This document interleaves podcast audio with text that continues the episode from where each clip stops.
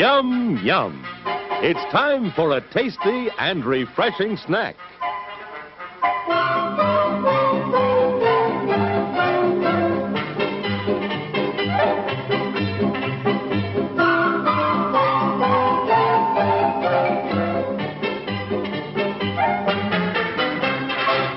Hallå, hallå.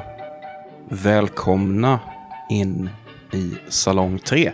Där det just nu är något av ett uppehåll. Vi befinner oss eh, mitt emellan två säsonger, sex avsnitt avklarade. Fler kommer. Men i väntan på att det ska bli lite mer gynnsamma förhållanden för inspelningar, typ lite mindre virus, lite bättre möjligheter att resa runt och träffa folk och snacka film ansikte mot ansikte. Så tänkte jag erbjuda er lite pausunderhållning eller intermission som det ju alltid hette i de här mastodontfilmerna som har paus i, i mitten. Vad har vi för storfilmer med eh, kända pauser? Ja, eh, Lawrence of Arabia är väl en sån här film som alltid dyker upp och alltid brukar nämnas i de här sammanhangen. Men den har jag faktiskt aldrig sett på bio. Däremot så minns jag att eh, Kenneth Branaghs eh, maffia Hamlet-tolkning, eh, den hade paus. Och det, något annat var ju konstigt. Den var ju fyra timmar eller någonting tror jag. Den såg jag på en numera nedlagd bio i Malmö. Å andra sidan så är ju de rätt många av dagens stora blockbusters, de har ju liksom mastodontfilmslängd nästan allihop. Men eh, det är väl bara en, en ny, tycker jag, tråkig eh, verklighet med alla dessa långa filmer. Min önskedröm är ju typ att alla filmer är mellan 80 och 90 minuter, kanske 88 minuter inklusive eftertexter. Eh, det är idealet. Eh, apropå det så förresten så en av de mer bisarra pauserna eller intermissions som man kan hitta tror jag är i en eh, John Wayne-rulle som heter Hondo. Hondo. Som är en västern från 1953. Och den är noterbar för att filmen är just bara 84 minuter lång, men innehåller ändå ett intermission. Och då kan man ju fråga sig varför då, men anledningen till det var då att den var eh, del av den här första riktiga eh, 3D-vågen i början av eh, 50-talet. Där bland annat eh, ju också House of Wax ingår. Eh, men det här är alltså en, eh, en 3D-film, en vilda västern. Och de här 3D-filmerna på den tiden, de krävde liksom två projektorer samtidigt som rullade samtidigt. Vilket innebar att man var tvungen att byta ut rullarna på dem samtidigt.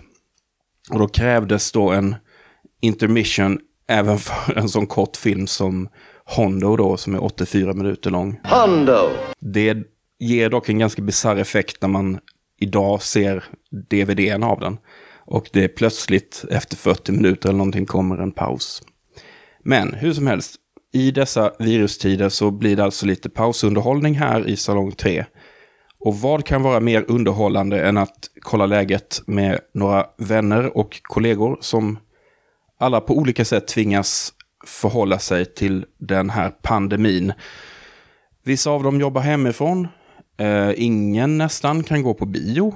Alla låter olika streamingtjänster går varma. Jag heter Martin Degrell förresten. Om detta är ditt första besök i Salong 3. Vanligtvis så diskuterar vi filmer här i lång och utdragen detalj. Men nu blir detta lite mer av ett svep. Och eh, till min hjälp har jag såväl tidigare som framtida poddgäster. Vi börjar med att eh, lyfta Zoom-luren och ringa huvudstaden. Där vi får tag på Per Perstrand, filmquizare, skribent och en av männen bakom alla filmdiggares favoritpodd, Intresseklubben Antecknar. Och lyssnar ni inte på Intresseklubben Antecknar så är det hög tid att göra det nu. Per är också en god vän som jag har samarbetat med eh, länge. Eh, först på Weird Science och sedan på TV-dags. Till vardags jobbar Per på Filminstitutet i Stockholm, men som många andra så jobbar han för tillfället hemifrån. Om vi börjar med tittarvanor och sånt där, har, du, har det här påverkat dig och hur du liksom hur du ser och var och när och sånt? Alltså jag, jag önskar jag kunde säga ett, ett, ett rakt ja på den frågan, men det har det väl egentligen inte riktigt gjort. Jag, jag, ser film eh, enligt väldigt oklara kriterier och jag får för mig att jag ska hitta på någon slags ha någon slags stringens, men det, det rasar alltid ihop. Nu under coronan så har jag ju, dels så hänger jag mer på Letterboxd än vanligt och sen så har jag ju fastnat för de här Edgar Wright-listorna. Han har kört klassikerrycket liksom. Bland annat har han sett mycket Bergman och Roy Andersson som han, han är stora fan av, vilket är kul. Så då tänkte jag så här, men jag, jag ska gå the Edgar Wright way och se liksom klassikerna. För jag, jag, fick ett ryck tidigare år när jag skaffade Draken film och såg eh, La Jeté till exempel av Chris Marker eller Pickpocket av Bresson. Natt och dimma. Sådana där eh, filmer som har legat på listan. Men sen, sen har det inte blivit så. Eh, och Då var mitt nästa mål, så här, men då ska jag plasta upp de här Arrow Blu-rayserna som jag köper. Jag köper en del Blu-ray. Det är väl en sån uh, återkommande rolig uh, grej i intresseklubben antecknar med alla dina inplastade DVDs och Blu-rays. Ja, det har ju blivit stående skämt och man kan ju tro att det är tusentals. Det är inte så många, men det, de ligger ju där. Man, man vill mest äga dem. Så tänkte jag, men jag gör det. Så jag, jag kom en liten bit eh, på vägen och, och plastade upp några i alla fall. Sen halkar jag ofta dit och bara ser något. Ja, men eh, nu har jag en timme. Jag orkar inte riktigt bara se en film. Så, men Mark Marons nya stand-up på Netflix. Den är säkert helt okej. Okay. Mm. Så eh, går den på, den var ju liksom sådär. Jag ser numera sällan en hel film i ett svep också. Ofta blir det att jag sitter uppe på kvällen när övriga familjen lagt sig och ser en halv film och så ser jag resten av halvan andra dagen. Jag var otroligt kategorisk när jag var yngre. En film skulle ses i en sittning. Det skulle vara tyst. Och helst inte gå på toa, utan man skulle respektera filmen. Det när jag fick småbarn släppte jag det helt. Så nu, då, vissa filmer har jag sett i sju omgångar. Men det är inte att rekommendera jag tror jag pratade om det här i podden. Jag såg den här I'm not there. Du vet den här konstiga, Gus van Sant, den här konstiga Dylan-filmen. Ja, ja, visst. Den såg jag i sju olika, sex eller sju wow. olika sittningar. Men det kanske är eh, som en eh, ingenting. hyllning av eh, att det är så många som gör Dylan. Så då tänker du att du kan... Liksom, jo. Du såg ett avsnitt när Kate Blanchett-delen och sen så... jo, om jag, om jag hade varit så uppstyrt så hade det varit perfekt. Men jag kom in och ut i filmen helt, helt random. Och uh, det var kanske fel film att dela upp det på det sättet. Får jag fråga om, eh, om eh, hur du använder dig av Letterboxd? Alltså om du, går du in liksom på folks profiler och ser vad folk rekommenderar och har sett? Eller hur, hur gör du?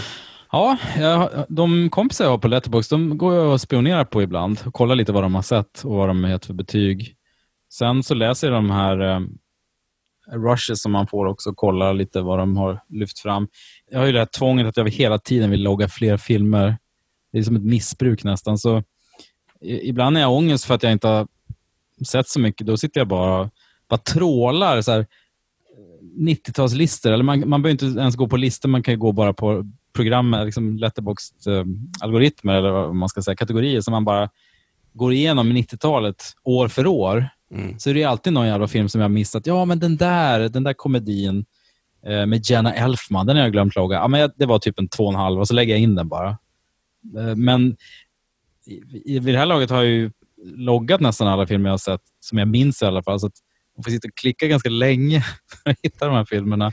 I jämförelse med ett missbruk är ju liksom inte helt, eh, den är inte helt fel. Alltså, också just det här att du kommer aldrig riktigt bli nöjd heller. Nej, du kommer aldrig komma till en slutpunkt där, du, där du uppnår någon sorts zen. Sådär. Nej, det är ju så. Sen använder jag faktiskt Letterboxd jättemycket för att kolla recensioner också. Alltså förut så gick, gick jag ofta in på kanske Rotten Tomatoes eller så. Men nu eh, jag är så fördomsfull mot IMDB, så jag litar inte på deras betyg. Jag tänker att det är bara så här, snubbar som hatar Ghostbusters med kvinnliga skådisar och sänker betyget och sådär. Och det är det inte på Letterboxd eller? Nej, grejen är att jag vill ju inte tro det. Jag tänker att Letterboxd är liksom den smarta versionen av IMDB för oss, för oss elitister som tycker vi är lite för mer än alla andra. Jag upplever ju Letterboxd, jag kan ju tänka mig att det är liksom lite mer liksom korvar, eller alltså lite mer män än kvinnor, men det är det säkert. Den besattheten av listor är väl kanske då möjligen en manlig egenskap. Men jag tror att det är dels lite mer jämlikt. Det men tenderar att bli mycket män på sådana här ställen Ja. i alla fall. Det, det är ju så. Men jag tycker tonen på Letterboxd är mer kärleksfull och mindre gnällig och hatisk. Det, jag tycker ändå att den genomsyras av en viss kärlek till film Mm. och så tycker jag det är ganska lätt att hitta Ja, men hitta lite dolda filmer. Det beror ju lite på vilka man söker. Jag, jag följer en massa amerikaner. De, de följer oftast tillbaka, vilket jag aldrig fattar, för jag skriver ju inga recensioner, så jag är ju från Sverige. De fattar ju ingenting ändå. Men det är ganska kul att få, om man följer så David Ehrlich och lite sådana här recensionsfolk, då, då snappar man upp lite nya intressanta filmer. Mm, det är sant. Så att jag tycker att den är, funkar rätt bra, både som att få bekräftelse, sen också så här, få bekräftelse på en film man verkligen älskar eller hatar, så går man in och trålar om recensioner som tycker likadana. För, jo, det ska ju sägas också att folk är ju, många som skriver på Letterbox är ju jävligt duktiga på att skriva. En del är ju professionella skribenter, men många är ju bara väldigt roliga. Så det är ju ett väldigt kul forum att läsa om ny film på. Det har inte blivit så då att uh, du har börjat uh, så bingea virusfilmer och sånt. För jag, i, i början av det här utbrottet så då skrevs det ju väldigt mycket om att till exempel Contagion toppade iTunes-listorna och sånt här. Och den där grejen har jag nog aldrig riktigt fattat. I alla fall inte när det har att göra med, ja vi står inför en potentiell eh, katastrof här nu. Vad göra? Ja, vi vältrar oss i kulturyttringar som handlar om just den typen av Precis. grejer. Utan jag är nog snarare så här att, nej men då ge mig någonting som inte alls handlar om Mm. det där. Nej, men jag är nog likadan som dig. Vi, vi snackade, jag och Petra, min fru, om att eh, vi var nära att se Contagion. För det, det blev ju så här, eh, blev en trend. Alla skulle se Contagion. Och jag minns ju den som jävligt stark från eh, när jag såg den, den kom på bio. Men sen tänkte jag så här, men och det var ganska tidigt i coronan, innan man, man hade blivit så deprimerad. Men vi kände bara så nej men ge mig... Vi såg The Trip to Spain till exempel, med Steve Coogan och Rob Brydon istället häromveckan. Det är hellre den typen av eskapism. Två snubbar som sitter och imiterar Roger Moore och käkar god mat i, Spanien. Men jag måste fråga också, för någonting som drabbade mig väldigt eh, tidigt och som jag har förstått drabbat väldigt många andra också, är just det här, den här tendensen att typ titta på en helt vanlig film som inte alls handlar om något virus eller något sånt och så instinktivt reagera mot att folk trängs och att folk eh, samlas i stora mängder på gator och torg, det vill säga leva ett helt vanligt liv. Och man bara så här, nej vad gör ni? Varför, varför håll avståndet? Och så. Ja, men- har, du, har, du, har det inträffat för dig? Ja, absolut. Man, man slår på en film och bara, fan de håller ju på att kramas i den här filmen och skakar hand. Vad är det här? Mm. Blir lite upprörd. jag, jag har tänkt det många gånger, vilket är fascinerande egentligen. Hur man har levt ett, ett helt liv där det har varit normalt att, med trängsel och att folk som känner varandra kramas, skakar hand. Så efter sex, sju veckor nu så är det helt apart. Det är ju lite som eh, med rökningen, att det gick väldigt snabbt. Att något som var helt självklart plötsligt känns väldigt konstigt. Det blir ju intressant att se eh, framöver när vi ser nya filmer om och också hur manusförfattarna kommer att hantera det här. Om man kommer skriva, ta, bo- alltså att det blir mindre kroppskontakt. Eftersom folk nu kommer tycka det är något märkligt. Så vad har du sett om du inte har sett några virus? Har du några höjdpunkter? Jo, men jag listade några höjdpunkter. På, på avdelningen plastade upp filmer så såg jag The Train Mm. eh, för några veckor sedan. Frankenheimer? Ja, det är ju en tidig Frankenheimer från 60-talet. Uh, Burt Lancaster spelar en motståndsman under, i Frankrike då som...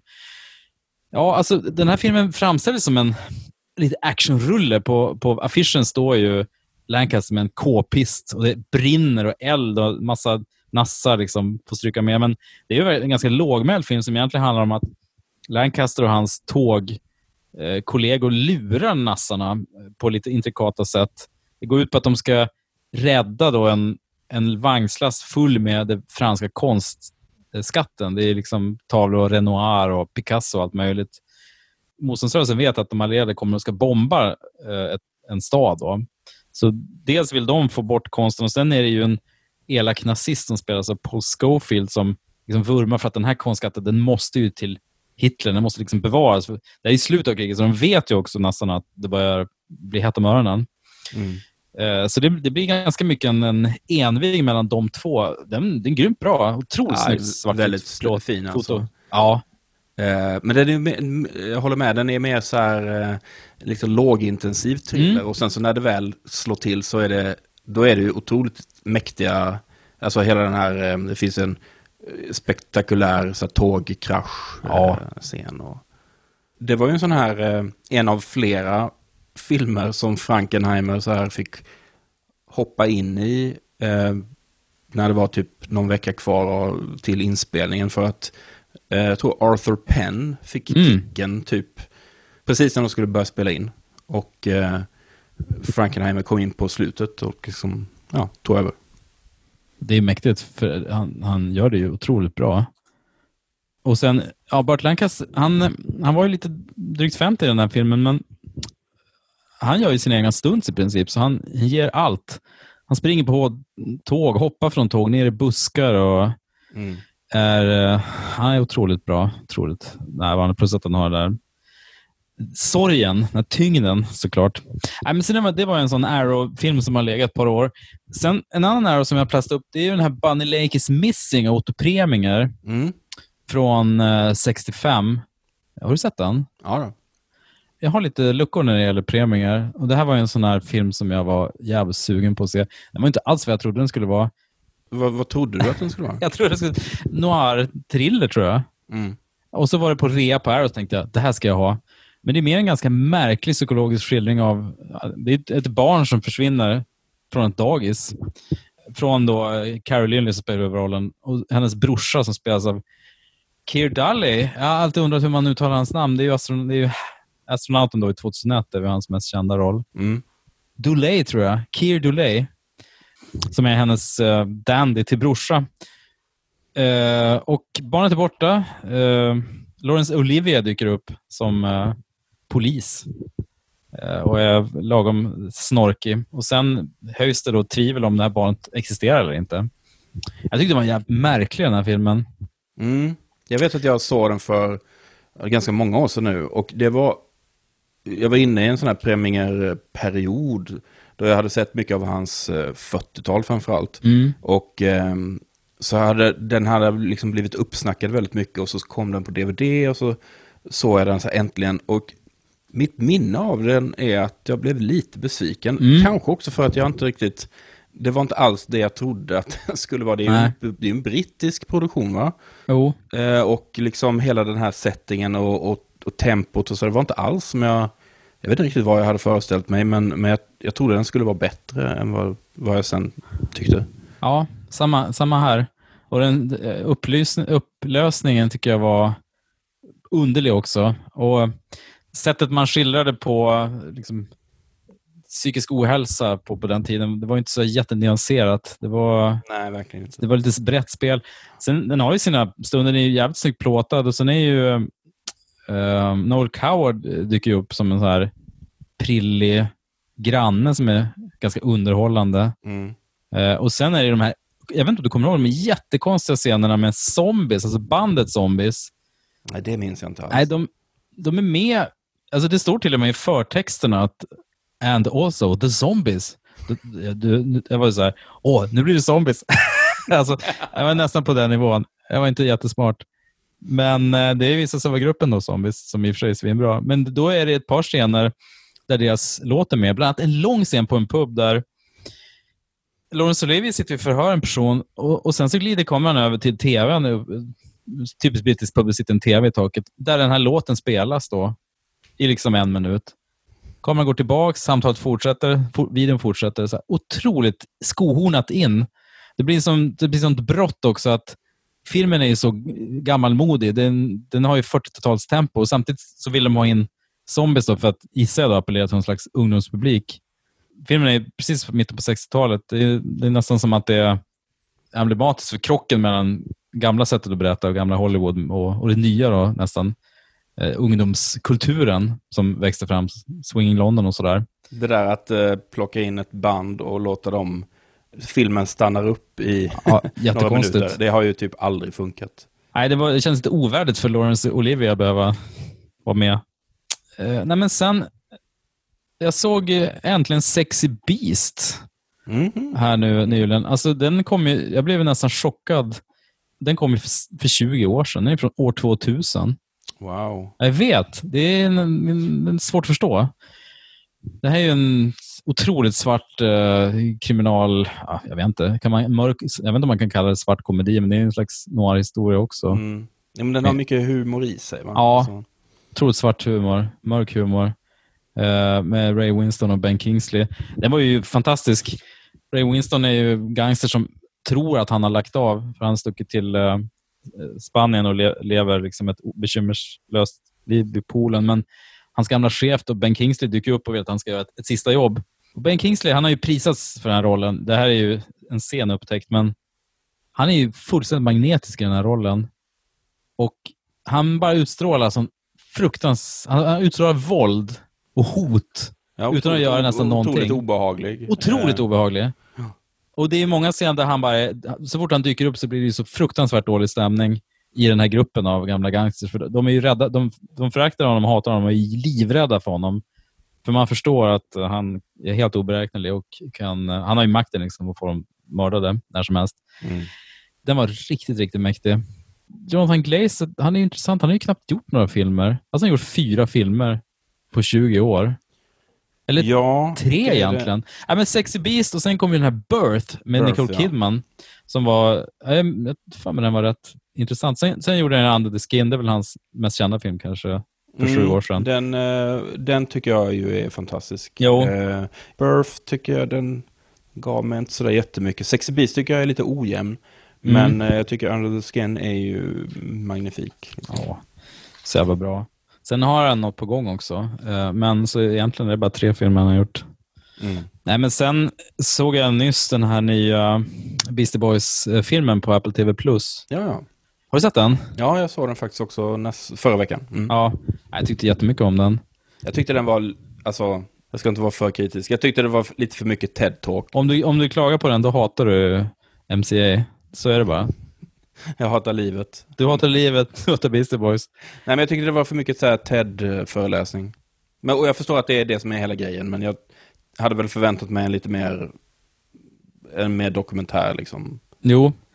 Nej, men, alltså, det är ju många filter, för det är ju lite märkligt att det faktiskt är en diabetesföreställning inför publik som sen då är filmad, så att vi i sin tur får se en filmad bild, bildvisning. Nej, men man kunde ju önska lite mer. Man kunde ju önska att fler personer fick komma till tals ur den här väldigt rika historien. Men jag tyckte ändå att den var så pass uh, charmig. Sen det är ju lite märkligt hur de bara skuttar över de sista tio åren i, i Beastie Ja, Boys Ja, historia. nå- någonting som jag undrade över och som jag inte orkar efterforska, men, men ehm, det var om de har liksom, är de fortfarande kompisar med Mixmaster Mike? Ja, som ju inte nämndes fråga. eh, överhuvudtaget och liksom inte fanns med någonstans, men som ju har varit deras DJ de senaste typ 20 åren. Och varit superviktig för, skulle Mm. jag påstå, deras senaste, alltså soundet från typ mitten av 90-talet i alla fall Mm. framåt. Alltså jag har ju alltid tyckt om Beastie Boys som liksom fenomen och som personer, kanske mer än deras musik. Mm. Eh, jag har ju lyssnat mycket på hiphop, men de, var, de stod aldrig jättehögt i kurs hos mig och mina kompisar när Mm. vi var kids. Liksom. Utan det var, de var så här, nej, det, det funkar inte riktigt för oss. Men jag har alltid gillat dem för liksom, ja, men deras stil och liksom vad de har stått för och sådär. Det har jag alltid gillat som fan. Och det kommer ju fram, de är ju supercharmiga liksom. Mm. På scenen. Jo, men mycket är det ju att de, de är ju i sitt, sitt esse när man ser videorna också. Det är så mycket en visuell upplevelse. Mm. Ja, nej, men sen har jag sett en massa kassafilmer också. För det är ju det som är problemet, att jag fortfarande halkar in på de här Extraction på Netflix till exempel. Jag, två dagar på raken såg jag två av förra årets sämsta filmer och det var ju Gemini Man och Midway. Eh, Wow, jag har inte sett någon av dem. Nej, men Gemini Man är ju Ang Lee. Jag har medvetet Eh, hoppat över dem. Men jag var lite sugen på, um, på action. Och Gemini Man var helt okej i en halvtimme. Sen blev han ju usel. Det var ju jättedåligt manus. Och hela den här grejen att det är en datoranimerad ung Will Smith. Det funkar ju så länge det är lite mörkt. Men så fort det är dagsljus, och de gör ju verkligen showcase av att han är väldigt mycket närbild. Det, det, det blir ju precis lika snyggt som en cutscene i ett riktigt bra Playstation 4-spel från 2020. Liksom. Det är ju på den nivån, men det är ju fortfarande döda ögon och sådär. Så det, det funkar ju inte. Sen Midway. Jag älskar ju krigsfilm. Jag hade hoppats att det skulle bli en riktigt smarrig krigsfilm. Och Det är ju en del rätt bra krigsscener, men den, den var ju töntig. Eh, Och tyvärr eh, inte så roligt skådesuppbåd som jag hade hoppats på. Dennis Quaid är med. Mm. Han är härlig. Ja. Eh, Men Spelar han någon gammal general då? Ja, men precis. Så här, grizzled. Och han får också såna här ex, några eksem på halsen så han blir tvungen att hoppa av. Så här konstig grej som aldrig skulle hänt om det inte var verklighetsbaserat. För det får ju inte folk i en film bara sådär. Va? Han, fick, han får hudbesvär. Nej, det var bara en, en bisats. Men eh, tyvärr är den här Ed Skrein, som, den britten som spelar bov i Deadpool, lite svårt för honom. Jag kan inte ens placera honom. Han var med i Battle Angel Alita också. Du, du känner säkert igen honom. Han, han är ganska Jag gapig av sig. Spelar bov i den här ganska kassa eh, Netflix-filmen Tau också, om den här levande huset. Okej, honom ja. Han spelar ju ofta skurk. Han är lite begränsad som skådis tycker jag. Mm. Nej, men det, annars var det det gamla vanliga patriotiska tramset. Men eh, jag gillar det ju. Men nej, det här var det här var inte kul. Eh, den kändes lika... Den var ju inte mycket bättre än, än eh, Pearl Harbor. Och, det säger kanske en del. Okej, men du, eh, det här var jättebra. Tack så mycket för att du eh, delade med dig av ditt eh, filmtittande här under Tack ska du ha. vår semi-lockdown. Ja, precis. Det är tur att vi har film. The train. They strafed it. They sabotaged it. Stop!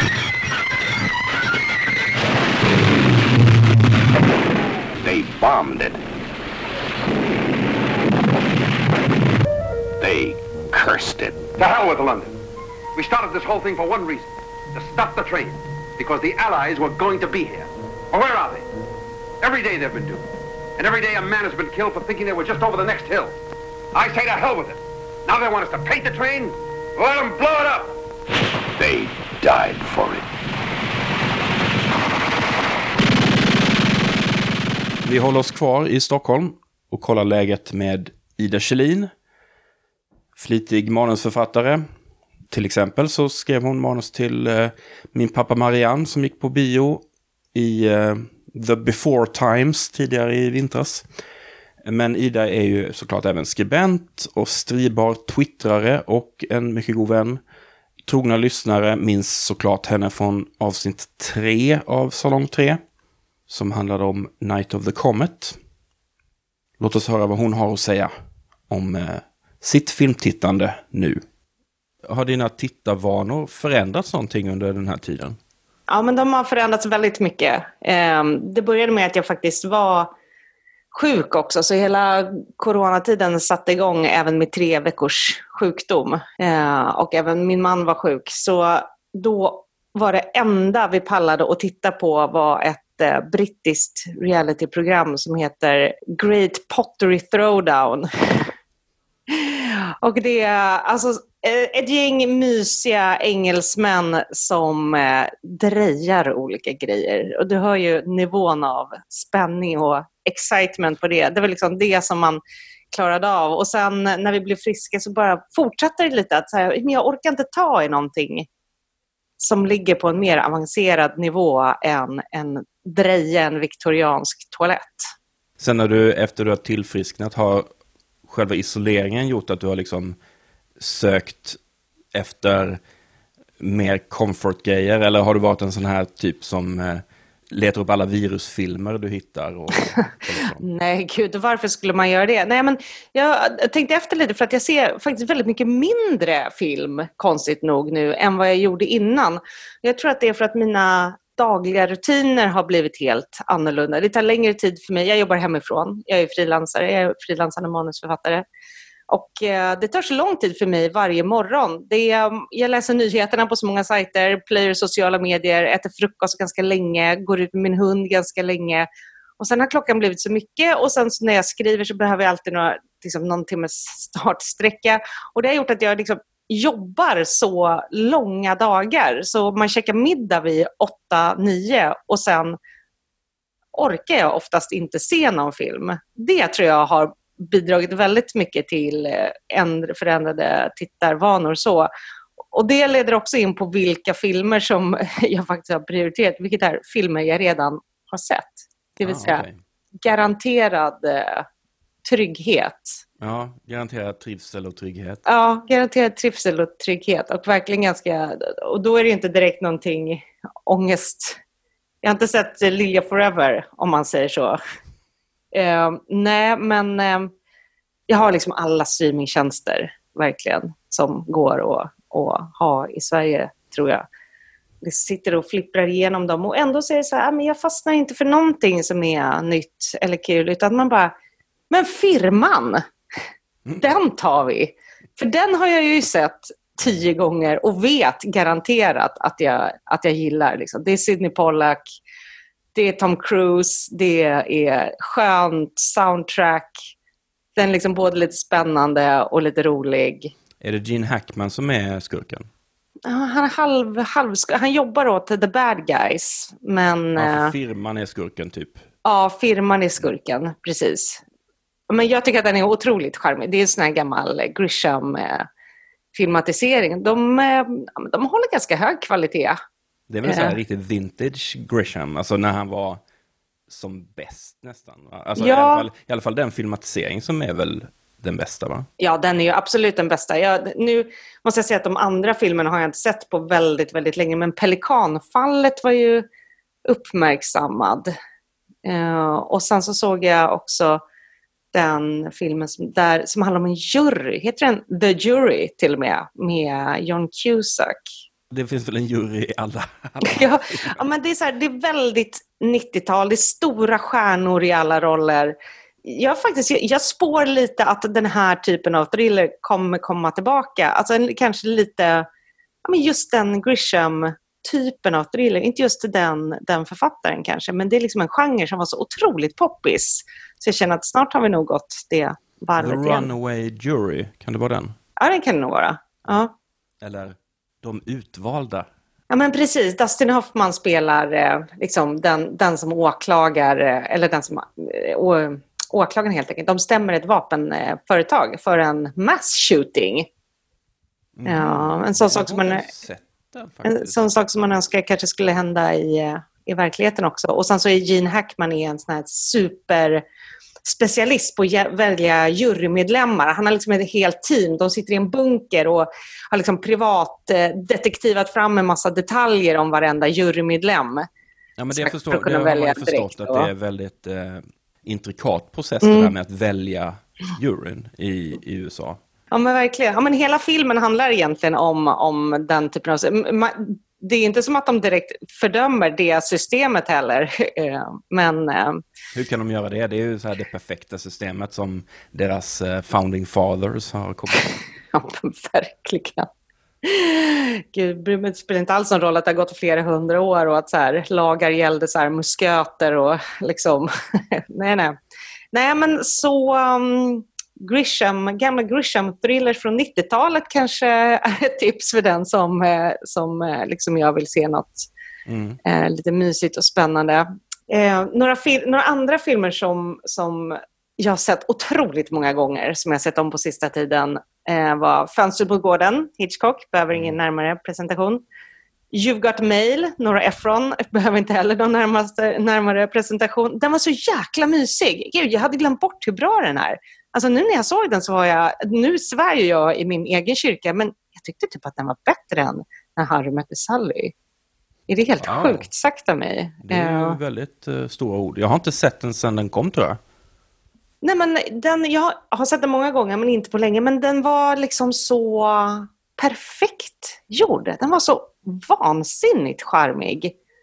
liksom var, varenda liten biroll var liksom fantastisk och bara är otroligt bra. Hur, hur har eh, det centrala teknikbiten eh, åldrats? Alltså det här med mailväxlingen och så vidare. Ja, men även då var det väl knappast att det dök upp små animerade liksom, brev som flög in i brevlådan och så. Men helt okej. Jag tycker definitivt inte det är någonting man, man stör och sig på. menar, man, man kommunicerar ju ännu mer via elektroniska grejer nu. Ja, ja, nej, men det kändes faktiskt helt rimligt. Men det var en sak som vi pratade om att det är Eh, det är ju Fox Books som är eh, liksom halvt maskerad Barnes Noble eh, som eh, liksom öppnar en superstore på Upper West Side och så är det då eh, en liten eh, jättemysig barnboks, eh, barnbokhandel då, som råkar illa ut. Och sen så pratade vi om så här, men nu stänger ju Barnes Noble på löpande band för nu har ju Amazon kommit. Så, så liksom, om man skulle så här, eh, ljuga ett mejl eh, 20 år senare, då hade ju även Fox Books hade konkat liksom, och det hade kommit någon annan jävel. Det är Liksom, som en sån här eh, illustration man ser om du vet eh, djur. Där man ser ett litet djur som äts av ett Ja. större djur och så kommer ett ännu större djur. Och det är där vi är, liksom, det kommer Amazon liksom. Och, Ja, men precis. Eh, och sen så såg jag också om en barndomsfavorit, Sherlock Holmes smarta brorsa. Eh, ja, den är ju fin. Ja, den, var jättefin. den hade ju åldrats på några sätt. Till exempel så här, tuttskämten var ju lite som man bara, ja men herregud. Men hur många gånger såg jag den när jag var liten? Undrar jag nu, för jag kunde varenda replik utan till. Jag minns den som väldigt rolig. Jag, Ja, jag men den var på rolig. år, men, men eh, jag minns den som väldigt kul. Why don't we all drink some very sexy wine? Det var till exempel en sån grej som jag kommer ihåg. Man skrattade ju grejer fast man inte fattade dem. Eh, Dom DeLuise som är någon slags, eh, som sjunger där i någon opera. Så är det ju Gene Wilder, underbara Madeleine Kahn, Marty Feldman. Men har, har du någon sån eh, Sherlock Holmes eh, tripp nu då? För jag sa att du, hade du inte du sett, eller var det bara du snackade om den här unga Sherlock Holmes? Ja! Guardian har en, en artikelserie nu. Det kommer ju inte så många nya filmer, så det är så här, vad ska man skriva om för filmreportage? Så de har en artikelserie som heter I have never seen och så är det någon som skriver så här I have never seen Titanic. Och så skriver de om det. De kollar på den och sen så här, hur upplever man det nu? Eller Terminator eller liksom någon annan känd film. Eh, och sen så har de också My favorite film when I was 12, tror jag den artikeln, artikelserien heter. Eh, Och eftersom det känns som alla filmskribenter på Guardian är ungefär vår ålder, Martin, så är det så här, man bara åh, man får så otroliga nostal- nostalgikänslor. Och då var det en som skrev just om Young Sherlock Holmes som jag bara, men den älskade jag verkligen. Eh, 80-talsfilm skriven av Chris Columbus, alltså ensam hemma bland annat. Eh, och eh, handlar om när de är, de är jätteunga och går på liksom, internatskola i eh, England. Och sen så är det en väldigt, eh, ja men eh, nu, bara för att jag läser den där artikeln så inser jag att det nog var lite rip-off på Indiana Jones and the Temple of Doom. Ja, ja, det, det slår mig nu också. Men är det inte också så att det är, verkar vara övernaturligt, men så är det egentligen så hallucinationer? Eller Precis. sånt? Precis. Jag, jag, minns den, alltså, jag, jag minns den varmt, men jag minns inte den så väl, om du säger så. Nej, men det är väldigt coola specialeffekter. Även om de är gjorda med tekniker som man hade där så är det väldigt, väldigt bra idéer till specialeffekter. För det är just det att det är, det är gamla män som dör en efter den andra och man får se det ur deras synvinkel att det är till exempel en som hänger av sig en hatt på någon sån här utsirad hatthylla. Och så metallkroken i form av ormar på den här hatthyllan blir plötsligt levande och liksom stryper den här personen. En, en annan är, det här minns jag så väl från när jag var liten, han är i en kyrka och så är det en, en riddare som spelar, nej han spelar inte schack med den, men, men, men står med, mot döden med, med ett svärd. Och den här mannen tittar bort, ser det här kyrkofönstret igen, ser att riddaren ligger död eh, på fönstret och i nästa sekund så hoppar liksom döden med svärdet ut från själva fönstret och är tvådimensionell men liksom börjar fightas med honom sådär. Så då, Eh, Och då tänker man att det är övernaturligt. Och kanske är det det, kanske inte. men, men annars det mest ambitiösa faktiskt som jag har gjort under isoleringstiden är att vi eh, eh, började kolla på den här dokumentärserien Story of Film and Odyssey med mysiga Mark Cousins, han som pratar sådär ljuvligt. Du vet, av film. Mm. It's called The Thief of Bagdad. Bra jag härmade. Men i alla fall, så började vi kolla på den och, och började faktiskt med en lista med så filmer som han eh, nämner som så här, men den där måste man ju se. Där jag vet att du har sett alla de här filmerna redan. men nej. men eh, jag är inte så filmbildad. Så det är liksom ett, så här, ett väldigt långsamt pågående projekt om man känner att man vill börja någonstans. Men Story of Film var också extremt svår att få tag på. Så den köpte vi en box på Tradera till slut, för det gick inte få på någon annanstans. Och det finns väl, det är väl 14-15 avsnitt eller något sånt där? Ja. Mm. Ja, vi har precis kommit in i ljudfilm bara nu, så att det är liksom mycket kvar. Mm. Men om man ska säga en ny film så måste jag säga att jag är väldigt förtjust i den här ny-rebootade Jumanji-franchisen. Eh, Den tycker jag är charmig. Såg precis senaste Jumanji Next Level med liksom jättehärliga skådisar. Alltså Danny DeVito, Danny Glover, The Rock som är så himla charmig faktiskt.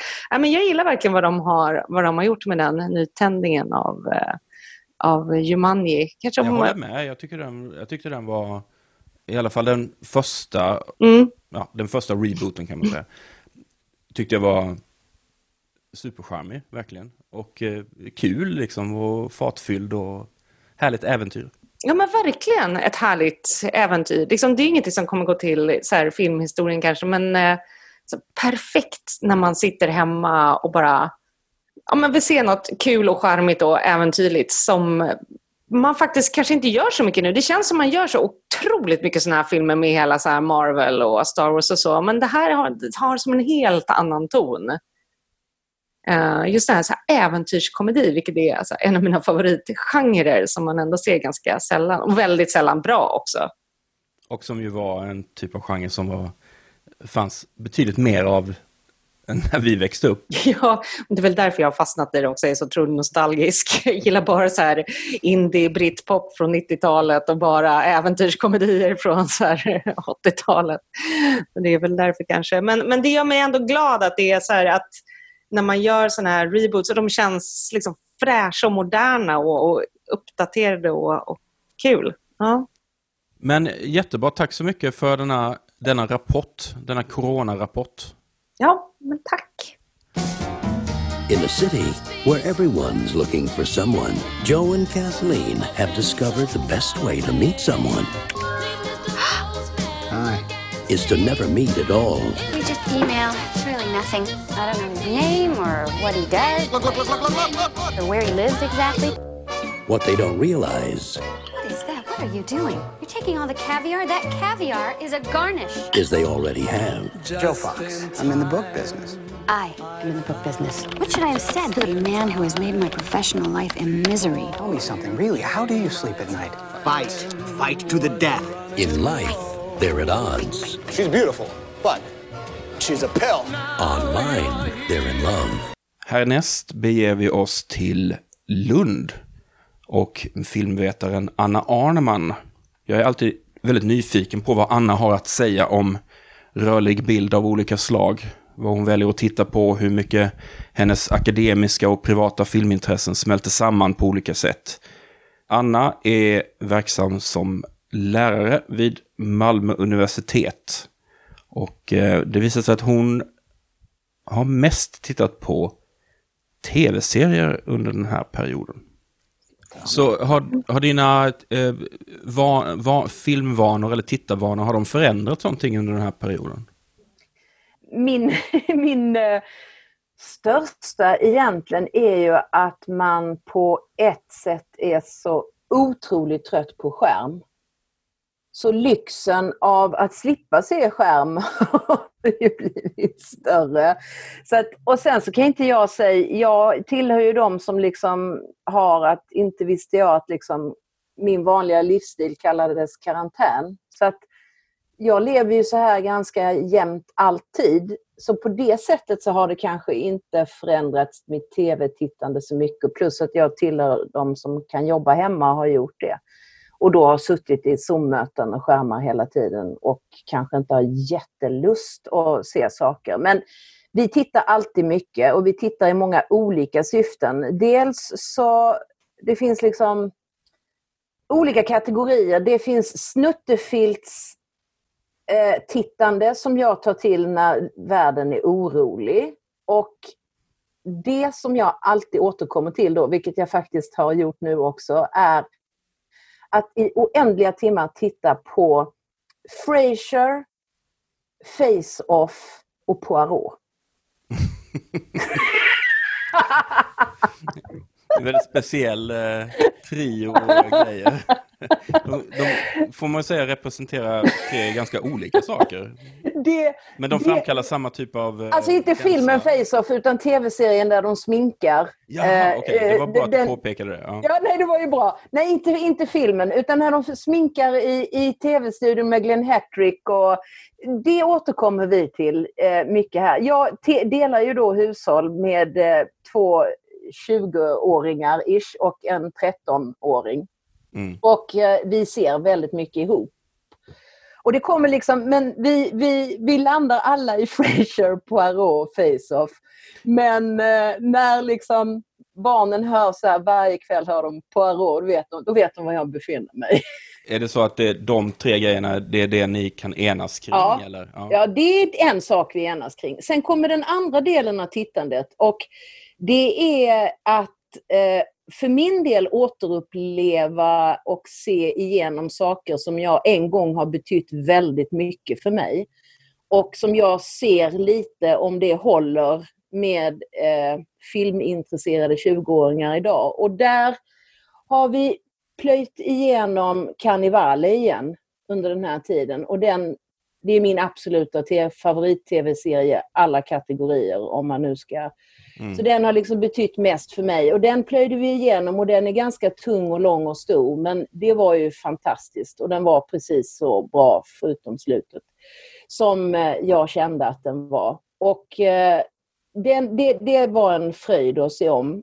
Ehm, vi började titta lite igen faktiskt med det här med beröring och hålla avstånd på Pushing Daisies. Som ju var en tv-serie med, vad heter han, Lee Pace va? Om att hålla avstånd. Eh, av olika skäl så kan de inte röra varann. För då blir de, typ, då, dör någon eller, eller det är någonting sånt va? Det, Han kan återuppliva människor men om han gör det dör någon. Eh, och de har en relation som de inte kan röra varandra. Och de går, alltså det är så supercorona. Att de går liksom, men får absolut inte beröra varandra. Så de hittar på ibland olika skyddsutrustningar och håller avstånd hela tiden. Och det kändes ju verkligen som, wow! Vi tittade egentligen på den för att vi var sugna på att se serien. Men när vi såg det tänkte vi, men gud, det här är precis vad vi pratar om hela dagarna. Att hålla avstånd. Eh, så Pushing Daisies var ju rolig att se om. Eh, vi såg filmer som ju också faktiskt tror jag har lite med corona att göra. Vi såg om Strange Days. mm. Vilket jag också tyckte höll. Både två sådana millennialfilmer, Strange Days och Dark City. Som är sådana undergångs... Eh, eh, apokalypsen kommer och lite då AI-aktigt. Som också funkade ganska bra i den här tiden av liksom någon sorts... Eh, ja, den här konstiga tiden vi lever i. Så kändes de faktiskt ganska relevanta och de höll också tyckte jag. Vi har en massa planer på saker vi ska se om. Riket tänkte jag jag skulle ta mig an igen och gå igenom. Då använder du liksom eh, de unga människorna i ditt hushåll som någon sorts eh, Ja. eh, testpersoner för att Ja. se, liksom, eh, Ja. se om dina, dina tidigare favoriter. Eller hur? Eller hur? Men, men, men går, du på, eh, går du på några ny, helt nya grejer Mm. eh, i det här läget? Mm. En annan sån som höll förresten var ju Birdie. Wow, jag älskar Birdie. Ja, och Nicolas Cage, han har ju blivit en sån meme. Men när han var i Birdie, oj oj oj. Ja. Jo, ja, jo, jag håller mig uppdaterad. Och det gör ju också att, jag menar, det har kommit ganska många nya. Det har kommit väldigt mycket säsong två under den här perioden. Eh, och jag har sett Afterlife, eh, Good Omens har jag sett igenom, Sex Education 2, Succession tyckte jag var ja, sådär. Men det som ju verkligen, det är två tv-serier som verkligen slått an nu tycker jag och det är The Virtues. Med alltså Shane Meadows som gjorde This is England. Mm. Med Stephen Graham i huvudrollen. En kort miniserie i fyra delar. Alltså den var ju fantastisk. Och det var också någon, det var precis när hela corona, när det var nytt och allting var väldigt osäkert och väldigt kaotiskt och dramatiskt. Det är det fortfarande. Men det var så känslomässigt allting i början och när den kom, som också är väldigt stark av andra skäl kanske, så den slog verkligen an tyckte jag. Jag tyckte The Virtues var fantastisk. Och sen en annan serie som, jag fattar inte varför den har försvunnit, det är Lambs of God. Den känner jag inte till alls. Det är fyra delar. Eh, jättevacker eh, miljö. Patagonien tror jag den är inspelad i. Men eh, storskådisar, hon den elaka i Handmaid's Tale och så hon som spelar i, den såg jag ju förresten också om, de här eh, End of the fucking world. Den har också kommit med en tvåa. Hon som spelar huvudrollen där är med i Lambs of God. Mm. Det är nunnor som bor i ett kloster som är som en klosterruin och man liksom får en uppfattning av att de nästan lever som på medeltid. Men mm. samtidigt är det en samtid och så kommer en präst dit och ska liksom egentligen exploatera, vill riva klostret för liksom kyrkans räkning och exploatera miljön. Och det mötet både i tid historiskt med att leva på ett annat sätt men också en genus, alltså med en man som tillfångatas av tre kvinnor som, äh, den är så bra, den är snygg, den är spännande och den var nytänkande på många sätt som jag, Lambs of God, ser den, den ligger på HBO. Det verkar som att du, du har, det är väldigt mycket fokus på uh, tv-serier. Mm. Hur är det med film då? Mm. Nej, dåligt med det. Förutom de här gamla som jag ser om så har jag inte sett så... Jä... Alltså det är ju alltid det där man tittar, man känner att Nej, det är mycket att ta sig an en film, men sex timmar tv-serie går i ett nafs. Jag förstår inte. Nej, psykologin bakom det är ju väldigt intressant. Jag tror att det är många som försöker liksom knäcka den gåtan. Varför klarar vi inte av att sätta oss och se på en två timmars film här? Men utan Nej. problem nafsar oss i hur? liksom 10-12 avsnitt av någon serie bara på en dag sådär. Alltså just det här att det här öppna slutgrejen som ändå är, gör att man på något sätt man befinner sig i det hela tiden på ett annat sätt. Och sen så det här liksom narrativet som är när det är en två timmars film är ett slut. Där man på något sätt jag känner som filmvetare att liksom jag måste ta ställning till det på ett annat sätt. Jag måste analysera narrativet, hur man knöt ihop början och slut.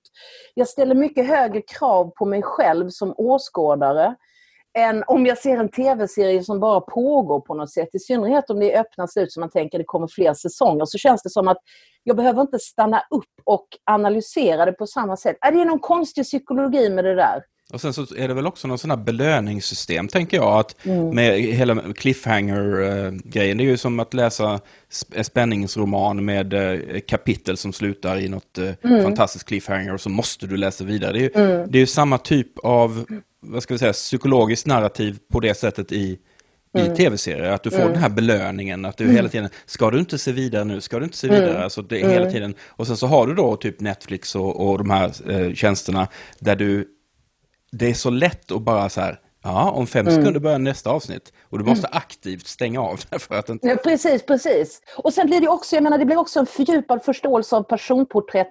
Det blir liksom det episka, gamla episka berättandet som, som inte behöver vara bombastiskt som i Ringen-filmerna, utan som på något sätt myllrar ut i någon sorts stort episkt berättande som jag älskar. I bästa fall då? I bästa fall! Oh, ja, det är fint. Ja, jag orkar inte ens tänka på alla de andra. Men sen är det ju också sånt där som saker som jag känt att jag borde ta mig an. Och det är ju alla museer och gallerier som liksom, alltså MoMA och National Gallery och allt det som att, att få tillgång och titta på det när det finns öppet. Jag har titta lite här och var på saker och ting. Jag såg Ghibli har öppnat upp sitt museum, Studio Ghibli. Har Ja, jag såg, det, också, jag såg det också igår. Mm. Har du tittat på det? Nej, jag har inte gjort det än. Nej, inte jag heller. Det måste jag göra. Men jag har kompisar som har varit där och de säger ju att det är helt fantastiskt. Ja. Så att, ehm, Jag har också hört det, att de är, det är helt... Men just det här, ja, har du varit inne i alla de här virtual toursen som öppnas? nej, jag har inte det. Och grejen är ju med det där att vi lever ju i ett totalt överflöd av Ja. intryck och medier och sånt. Och det, go det goda av det är ju att vi aldrig någonsin kommer att se slut på någonting. Vi behöver ju aldrig ha långtråkigt. Det här är ju egentligen den bästa av tider att Mm. vara isolerade och Mm. sådär. Mm. Eh, men å andra sidan så det är så mycket så att många av de här sakerna är ju oerhört eh, bra och Mm. fina initiativ på alla sätt och man ska göra kulturen eh, öppen och fri och Mm. förhoppningsvis kanske det är jag hoppas ju att det är initiativ som kommer att leva vidare även efter det här. Mm. Eh, det blir som någon sorts stresstest som, som tvingar fram lite lösningar som är Mm. lite okonventionella. Men samtidigt så är det ironiska i, i det är ju att det är ju ingen som sitter hemma och är så här, "Ah, om jag bara hade kunnat se Mona Lisa, liksom. Nej. Utan, eh, utan allting Mm. finns ju, det finns ju enorm, oändligt mycket innehåll Ja. eh, av allt. Liksom. Mm. Det, det, det trista med det är ju att det tenderar att liksom bara försvinna i den här stora strömmen av Mm. grejer. Ja, det, blir, alltså det, det är återigen det här liksom demokratiska perspektivet. Därför att man kan ju känna att nu har det öppnat upp mycket just museer och så. Man känner att på ett sätt så är tillgängligheten mycket större. Samtidigt är det ju väldigt påtagligt vem som söker sig till vad och hur man söker sig fram i den här. Det är fortfarande de här liksom kulturella mönstren man har som man söker sig utifrån. Och man befinner sig i en värld där man ger varandra tips för att man har gemensamma intressen. Och att I en drömvärld hade man ju kunnat känna att just den här liksom demokratiska tillgängligheten verkligen når alla. Eh, Men det är ju fortfarande, vi, vi beter oss ju fortfarande i de här slutna mönstren. Jo men exakt, och det är ju, det är ju som ett, eh, om du går in i ett bibliotek, alltså Mm. här, där finns alla världens böcker, men om inte du vet Exakt. var du ska gå eller vad det finns så, så ser du bara en massa eh, bokryggar liksom. Du, Exakt. Du, du når aldrig dit. Nej, Ehm. och där, där måste ju någonstans den länken eller, eller den introduktionen eller där måste finnas ett utrymme för en ny, alltså bibliotekarien i film, alltså i, i, i, som guidar oss och som vägleder oss och som, som gör att man förstår vikten av att titta på just detta eller varför man gör just detta. Alltså så här, kulturvetare som guidar en. Ja men där tror jag att, utan att för, vara för pompös, men där tror jag liksom att där finns det ett, ett stort eh, uppdrag eller Mm. ansvar för Ja. Eh, sådana som oss, alltså filmvetare, Mm. Mm. kulturskribenter, kritiker, Mm. bibliotekarier och så vidare. Att Mm. på något sätt vägleda och, och, Ja. och, och ge information. Ja, absolut. Vi, och det är därför som jag också dels tycker det är viktigt att kunna plocka fram gamla saker. Och jag menar, du om någon gör ju det i dina poddar. Det är ju fantastiskt. Alltså just, just kulturarvet vi har. Eh, att, att, ja, jag tycker det är fantastiskt. För att det är ju både, det, det är ju en del, dels en bildande funktion i det, men det är ju också en ren eh, njutning och inspiration. Alltså det är ju dö häftiga grejer att se. Så att det är inte bara det att ja, nu barn ska vi läsa en spännande historia. Utan eh, det är ju jätteinspirerande och just när man känner att liksom filmer och filmberättande, men hallå, den här kom på 30-talet. Det är exakt samma saker vi ser idag. Mm. Det är det jag också försöker liksom ha lite filmskola här hemma med kidsen. Det låter som att du gör ett, eh, ett bra jobb. Ja, jo, vi återkommer ju alltid. Men jag menar, de blir ju samma freaks som jag. Och jag menar just freaks. Är ju en film som vi återkommer till, vilket säger något om vilken familjekultur vi har. Det, tycker jag låter som en bra avslutning, en bra Ja. rekommendation där med Freaks. ja, freaks! Eh, Den finns väl tillgänglig att se nästan vad som helst va? Den, Ja, väl, jag tror den ligger på Youtube. den är väl public domain? Ja, ja. Mm, det är det. Ja men det är bra. Todd Brownings Freaks från 1932. Vi slutar där. Tack så mycket Anna. Tack, tack. We didn't lie to you folks. We told you we had living, breeding monstrosities.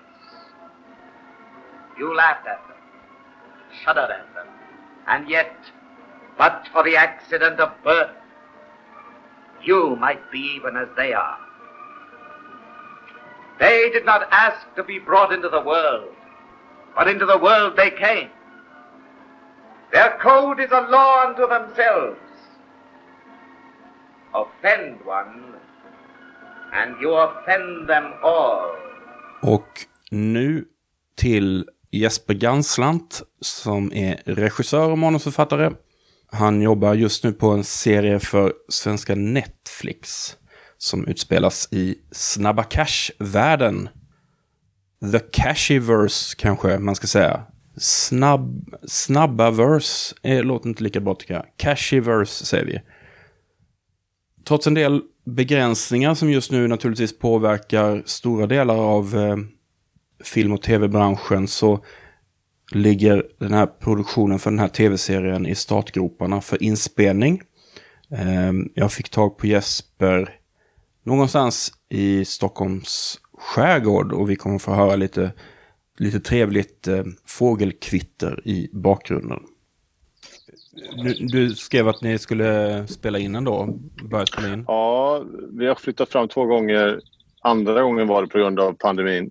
Men vi, eh, vi, ska, köra, vi ska börja med avsnitt 1 och 2 och spela in 25 maj. Så det är snart. Och vi har sån här techrek och, och final på något sätt prep nu då. Ja, det rullar ju på. Det finns ju massa guidelines och, och, och det finns en, en, massa tankar om att ha liksom, coronapoliser på plats och allt vad det är. Mm. Får vi se hur det går. Ni får undvika så här massscener och sånt då eller?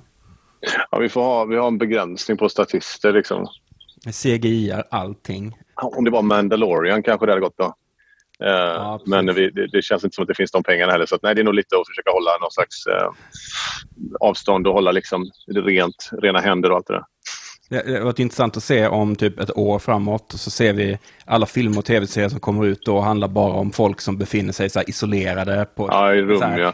Eh, vad fan heter den här fy, fyren, du vet med Willem Dafoe. Ja, ja precis, precis. Den, så här, Lighthouse. Lighthouse. Så här, bara sådana filmer. Eller Room. eller liksom Shining kanske. Precis. Bara sånt här som kräver minimalt med med folk. Exakt, och alla vill ju bara ha content. Så här, Netflix, alla vill bara ha content. Okej, okay, men idéer som vi kan göra. Liksom. Vad kan vi göra? Jag, jag lovar att de samtalen pågår. Ja, ja. Har det här påverkat, liksom den här situationen, har det påverkat eh, hur du liksom, du har ju inte kunnat gå på bio så mycket och sådär, men och jag vet att du gillar att gå på bio och så. Har det här, den här situationen påverkat mycket hur du, hur du har sett? Inte egentligen och, och det kanske inte är det är ju egentligen något jag inte är särskilt nöjd med. Jag skulle ju vilja att det var en större inverkan. Men alltså de senaste åren har inte jag kunnat gå på bio på samma sätt som jag brukade göra. Jag brukade springa bio dagtid och, och, och kvällstid ja, men så ofta jag kunde. Liksom. Men nu några år med två barn så har det ju liksom minskat drastiskt och det har varit lite frustration eh, för min del. Men som man har liksom långsamt fått eh, ja, omfamna och sen insåg jag nu då när bion stängde att det inte riktigt påverkade men det gjorde mig ganska sorgsen faktiskt. det var liksom ingenting jag, det var inget jag önskade mig. Nej, det är ju lustigt det där för att man... Jag går inte alls lika mycket på bio som jag egentligen vill eller borde. Så att jag har ju också känt den här, åh nej, nu, nu stänger biograferna. Men samtidigt är det så här, det påverkar inte jättemycket. Nej, det är ju det som är lite konstigt och man känner lite så här, är det här kanske spiken i kistan för den typen av eh, liksom att, att det intäktsdrivna bion på något sätt eh, eh måste puttas fram hela tiden när man märker att det liksom folk vill se och många, i alla fall i, i Sverige, tror jag har väldigt bra anläggningar hemma och så. Eller liksom också minsta dator är ganska bra. iPad är ganska bra bild. Och har du bra hörlurar så är det liksom jättebra. Så här, det är ett annat typ av tittande naturligtvis. Men jag tror det kommer förändras lite. Eller så här, jag tror och kanske hoppas att det blir mer som att bio är någonting mer eh, liksom en, en, en mer intim och eh, så att säga ja, men en kvalitetsupplevelse i form av de här mindre biograferna, i alla fall de vi har i Stockholm. Så där med eh, Victoria eller Grand eller Capitol och, och, och, sånt. Att vi, att de här komplexen tror jag kommer få tufft. Liksom. För egen del så har det ju då inte, som jag säger, inte riktigt påverkat som, som, jag, som jag egentligen önskade. Jag önskade att det var mer än så här. Men eh, det är, man har ju fuskat ganska mycket med det. Flyttat väldigt mycket tittande till vardagsrummet alltså.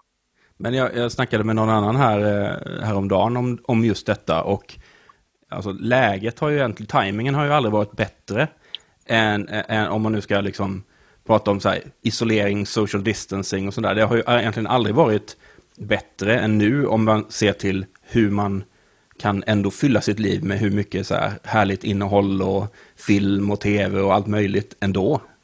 Ja, ja visst, visst. Det finns ju extremt mycket. Alltså, ja. Annars hade det varit, eh, liksom, om det var, om det var 60-70 år sedan hade det varit eh, långfredagen i ett helt år. Liksom. Bara ta 10-15 år sedan hade det ju varit liksom, då hade du inte haft liksom några streaming-sajter eller Nej, precis. Då hade man fått sitta och liksom panikbeställa DVD på något sätt. Och så hade de tagit slut så hade det bristvara. Liksom. Man köper dem svart. Då hade alla DVD-brännare gått varma. Ja, det blir, man får göra såna här eh, egna mockups av filmer och så. Man får filma och göra sådana små liksom, med, med legogubbar och sånt där. Försöka illustrera liksom, drama. Det hade ju kunnat bli en kreativ boom i och för sig. För frågan är ju vad det blir för eh, kreativ eh, konsekvens av eh, hela den här situationen när nu den är över. Liksom. Jag vet inte riktigt. Alltså, jag tycker jag hör många som, som är i kreativa yrken som säger att ja, nu ska jag ta chansen och skriva en, en, bok eller en egen film eller så. Men jag, jag, jag vet inte om det är, det är samma jobb. Liksom. Det är samma typ av disciplin som krävs och som ofta inte ja, men som är svår att hitta. Så jag vet inte. Bara för att man har jättemycket tid så, behöver inte, så innebär inte det automatiskt att man bara exploderar på alla kreativa Nej, nej. Och, och, och, som du säger också streaming och, och tillgängligheten av liksom alla filmer på iTunes eller vilken tjänst som helst gör ju att man också så har ju alltid något annat att gå till lite grann. Och det är också lite okej okay, sådär. Slå det ner mitt på dagen liksom.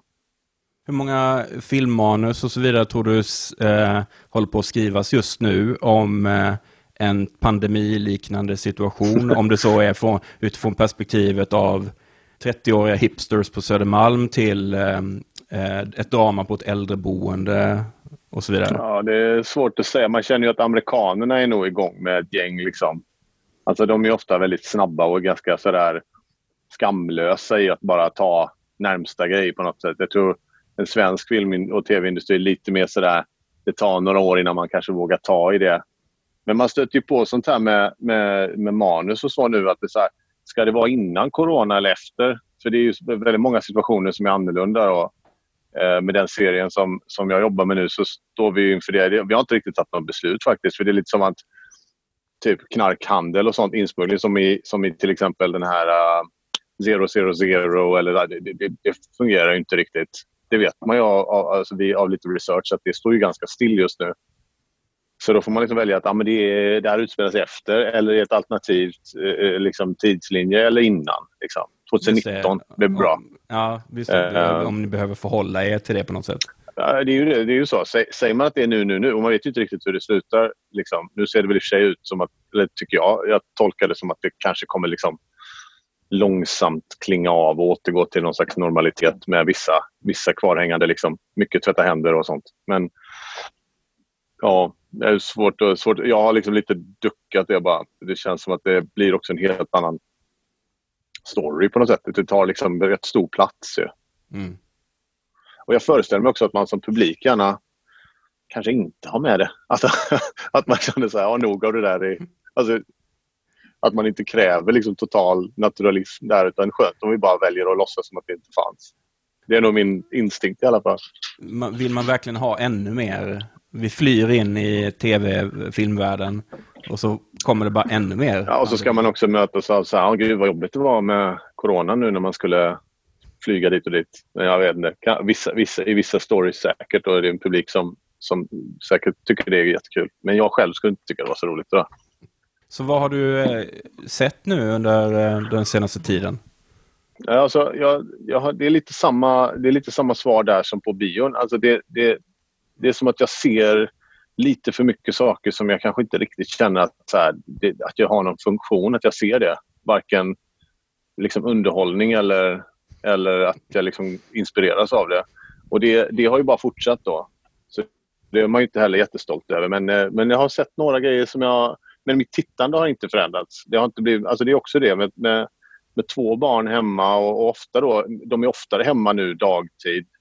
I och med att man minsta snorighet så måste alla vara hemma i en lägenhet. Det går inte att sitta och liksom, bingea en serie eller kolla på eh, så mycket film. Men, men vissa saker... Ja, ja, det som kanske har förändrats är att jag tillsammans med Hunter som är åtta år nu har kollat på en del, en del film som är lite över hans ålder. Och Det kanske har med det här att göra faktiskt. Vi var lite på väg mot det innan men det, nu var det som att man kan ta tag i det så att man gör något ihop. Så vi har tittat på då Indiana Jones har vi tittat på.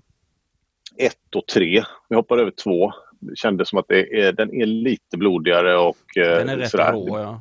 Den är, mycket, den är lite mer skräckbetonad. Den har det som en underton. Jag hoppar över den. Tyckte det var väldigt roligt med en- i trean med Sean Connery och Harrison Ford. Pappa-relationen är väldigt rolig. Se det tillsammans med sitt barn. Och sen tittade vi faktiskt på Titanic för någon vecka sedan. Kändes också lite som att det, det, det är ett steg upp från eh, liksom, vad ska man säga, Big Hero 6 eller eh, så här. Det, var, det är bara något, det, är liksom lite, det har hänt på riktigt. Det finns en, det är en superromantisk, eh, episk berättelse.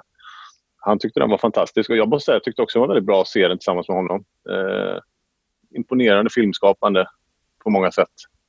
Jag kan inte riktigt se någon ro hem det idag. Pun not intended, ro då men... Eh, så att det, har, det har varit lite sånt återbesök och se tillsammans. Sen, jag såg den här eh, Le Mans 66. Det är, det är en ganska trygg film att kolla på när man sitter hemma så här. Det, det är racing och det är liksom killar och heta humör och man ska liksom klå fjantiga italienare och så. Den Eh, hette väl, det, det är också så Ja. att den har två olika titlar va? ja, just det. Ford v Ferrari heter den väl också? Va? Ja. Och jag vet inte varför, jag tror, om det var på grund av något eh, varumärke. Jag tror det är någon sån igenkänningsgrej. Men var heter den vad förresten? i frågan. Heter den Le Mans 66 här eller? I Europa ja. Ja, och så är det för det är Amerika, då vet kanske inte de vad Precis. det är. Eller I är USA liksom. heter den Ford versus Ferrari. Ja, och det vet man ju vad det är. Ja, så den tyckte jag ändå om liksom. Vad heter han? Han heter James Mangold va? Det är, det är väl han Walk the Line och eh, Logan och Cop, är det Copland också? Ja. Ja, Han har ju en väldigt trygg hand tycker jag med berättelser. Liksom. Det är inte kanske något nytt men det är, Jag har inte det är hög den. nivå. Jag, jag, jag kände bara att det såg ut som ett sömnpiller, men Ja, nej, men det var kanske det jag drogs till då. Jag vet inte. Såg den tänkte det här, det här behöver jag inte... Det här kommer jag, det här kommer jag inte behöva tycka mycket om. och nu sitter du här och tycker om det. Jo, men det gör jag ju. Men man, man bara är mer reflekterad, känner jag. Det, det, jag, jag har inga starka känslor. Liksom. Men sen såg jag ju Parasit då sent och och det var en sån film som jag hade tänkt att jag skulle se. Det var planerat att jag skulle se den då på bio innan man var tvungen att vara hemma och, och eller liksom försöka vara hemma och, och innan, innan bion stängde lite grann sådär. Men det blev inte av. Så den har jag sett hemma nu. Ja, men och det, var, det var spännande tycker jag. Men det är svårt att se en film som är så, så eh, liksom, eh, historiskt unik också med alla sina Oscars och all liksom, uppmärksamhet och så hypad. Och, I och för sig, jag hade lyckats vara ganska spår. Jag visste typ inte riktigt. Jag visste bara att det var en familj som började liksom, parasitera på en annan rikare familj. Jag tyckte den, delen var, den delen var spännande eh, och, och, och underhållande. Liksom. Men den var ganska mycket mer den var liksom enklare i sin uppbyggnad än vad jag kanske... Jag hade nog förväntat mig något mer komplext. Liksom. Det är väl alltid lite problematiskt också att se någon film som är så glödhet. att Ja, ja. man, eh, Nej, men att vara så eh, sist på tåget kan man ju knappt vara. Liksom. Idealiskt sett så måste man nästan låta den svalna lite innan man ger sig på den. Ja, men jag kände bara den här... Jag, tror, jag bara hade en känsla att jag kommer tycka om den. Nu kanske jag inte tyckte om den riktigt så mycket som jag hade hoppats på eller förväntat mig. Det var lite så, det här med att vara så... Eh, ibland har man ju filmer som är så hypade att man känner det här kommer jag absolut inte gilla. Det går. Jag kommer inte hålla med om det här. Men här var det lite tvärtom. Där man säger, men jag tror också jag kommer gilla det här. jag, tror, jag, jag, jag, jag ställer mig i ledet utan att veta riktigt vad det är. Ja, men det är ju en bra inställning trots allt. Ja, men det, vissa, vissa filmer har, har ju den, den auran kring sig att man känner att det här, det här går väl inte att ogilla. Men jag, jag, jag, jag gillar det. Men det var lite som att jag sa, ja, ja men, tog inte med mig supermycket. Sen har det väl varit, eller kanske mer, mer, mer, mer kanske liksom filmpolitiskt att det känns spännande att den, att, att den filmen, den berättelsen kan gå så långt. Nå, det tycker jag är väldigt spännande i och för sig. Eh, och inspirerande. Och det är härligt att det är en egen historia. Han är, jag gill, älskar ju hans den här Memory, Memories of a Murder. tycker jag är fantastisk. Den tycker jag är mer komplex än den här. Den, har, den ser jag som en stor, stor inspiration till när man ska liksom närma sig mord och liksom rysar, thriller när det kryper i kroppen och sådär. Fantastiskt gjort. Och sen har vi då såklart som många andra kollat på väldigt mycket Miyazaki då, som släpptes på Netflix. Jag kan tänka mig att det är rätt utbrett just nu. Eh, det är ju kul. Man har ju, se- jag, jag har ju sett, jag är ett stort fan såklart. Men eh, nu är det, li, det är lite tråkigt att det blir så mainstream. Kan jag tycka. Att det inte liksom finns någon exklusivitet i det. Men också kul såklart för filmerna är ju fantastiska. Är det några som särskilt är populära hos er?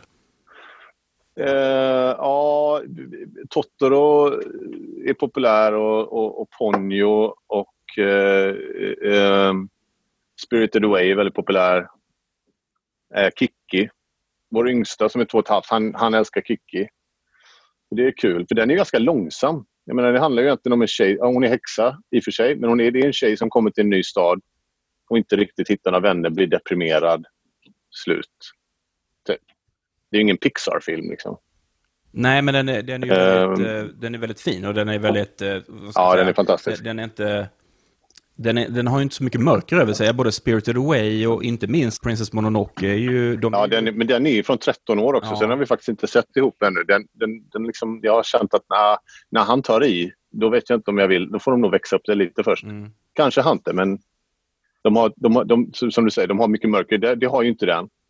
Men det är också så, det är så, det är så coolt att våga, som de ligger kvar ganska länge och, och, och titta på så här tåg som stannar in och man ska ta sig ur tågvagn och flyga iväg. Och. Det är liksom inget, det finns, det finns ett lugn i det som är, som är eh, otroligt fint tycker jag. Och man kan se det så många gånger. Eh, det gillar jag också. Han älskar ju transport, Fordon, ja. fordon och så. Alltså framförallt flyg naturligtvis. Men även tåg. Just det. Och i kölvattnet där så såg jag också, om vi ska, saker man har sett, då såg jag en fyra delars tio år med Miyazaki som var väldigt bra. Eh, som låg gratis på någon, någonstans. Som jag hittade en länk till. Och det var jättekul att se. Han, han, han är ju ganska grinig och har liksom rätt så... Han är, han är mycket tvivel i processen hela tiden. kan man ju känna igen. Och det var ju det är liksom kul att se någon som är som mästare på något sätt bara liksom famla sig igenom processen precis som man själv känner ofta. Det började med att han liksom satte, han, han var i ett tidigt skede och eh, satte liksom en kamera på sätet på sin bil för han ville se vad han ser varje morgon när han kör från och till jobbet. kan man också tänka sig att det, det åker nog in i den här animationen sen. Det är rätt mycket vanligt folk som gör saker som man bara så direkt, direkt igenkänning. Liksom.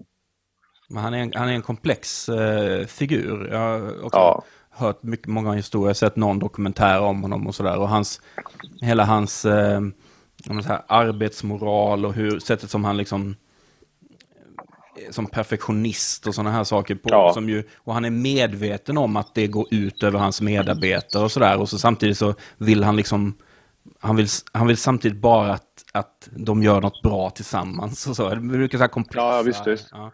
Ja, det är liksom både plus och minus på något sätt. Det är ju liksom så här, konsten framför allt, men det är också hans väg. De andra sitter ju bara av och slavar på något sätt. Men samtidigt gör man något tillsammans som är unikt. Och, ja, det är komplext. Men det, i den här så var det ju ganska plågsamt med hans son då, Goro, som han, som han inte ville skulle göra film. Som ändå gjorde film i samma byggnad. Liksom. Och eh, eh Han hjälpte men också var väldigt emot att han skulle göra det här det är inte för dig och det är liksom inte ja. Okonventionellt, alltså liksom lite omodernt föräldraskap ju. Mm. Eh, ja. Alltså väldigt på det här väldigt japanska, liksom. Men jag såg på honom, jag, tror, jag försökte analysera. sättet. Liksom. Ja, och, och, och skickade, sett en testvisning av, av ny, som tog jättelång tid att göra, det tar ju flera år. Och sen skickade en, eh, bara en liten lapp sen efteråt, inte säga något så här. Du har gjort en ärlig och stark film. Det var det. det får räcka. Men jag såg på honom, jag tror han var också nervös över att det skulle bli dåligt. Han kunde inte hantera det riktigt. Var ur, ur kontroll där. Mm. Men sen gjorde de ju ändå nästa projekt tillsammans. Liksom. Då skrev han manus och skulle gå och regissera den här Up on Poppy Hill. Som ju också är väldigt fin tycker jag. Och, eh, då, men då var han ju inne och pillade i allting och rev ner bilder och, och, och sådär. Som kanske inte manusförfattaren ska göra. Och sen har man ju sett, man fortsätter se, det har ju kommit ut några serier nu lite passande. Eh, som man har följt ett tag. Westworld, Homeland och Better Call Saul är de tre så här gamla som, som jag, det är väl egentligen bara Better Call Saul som har någon slags värde för min del.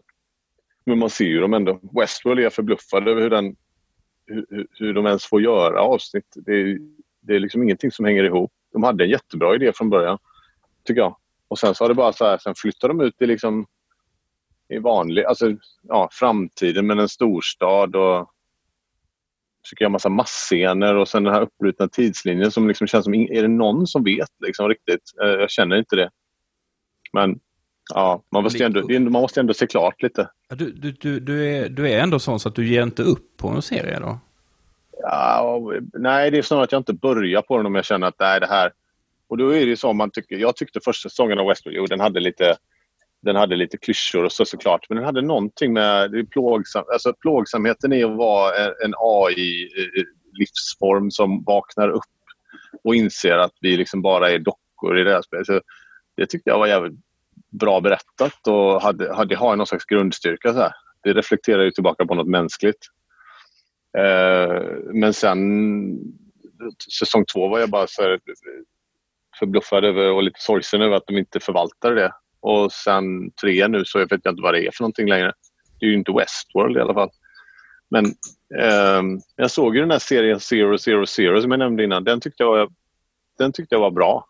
Jag har inte sett den alls. Jag vet inte alls. Nej, det är liksom... Det, det är en cool idé. Det är liksom... Det utspelar sig dels i, i Italien, typ Kalabrien, maffian där liksom. Och en maktkamp mellan en, en gammal ja, Don Minu, farfaren typ, och sen så barnbarnet som är vuxet och också är så här, den som har varit ledare i hans ställe när han har varit under jord. Så här.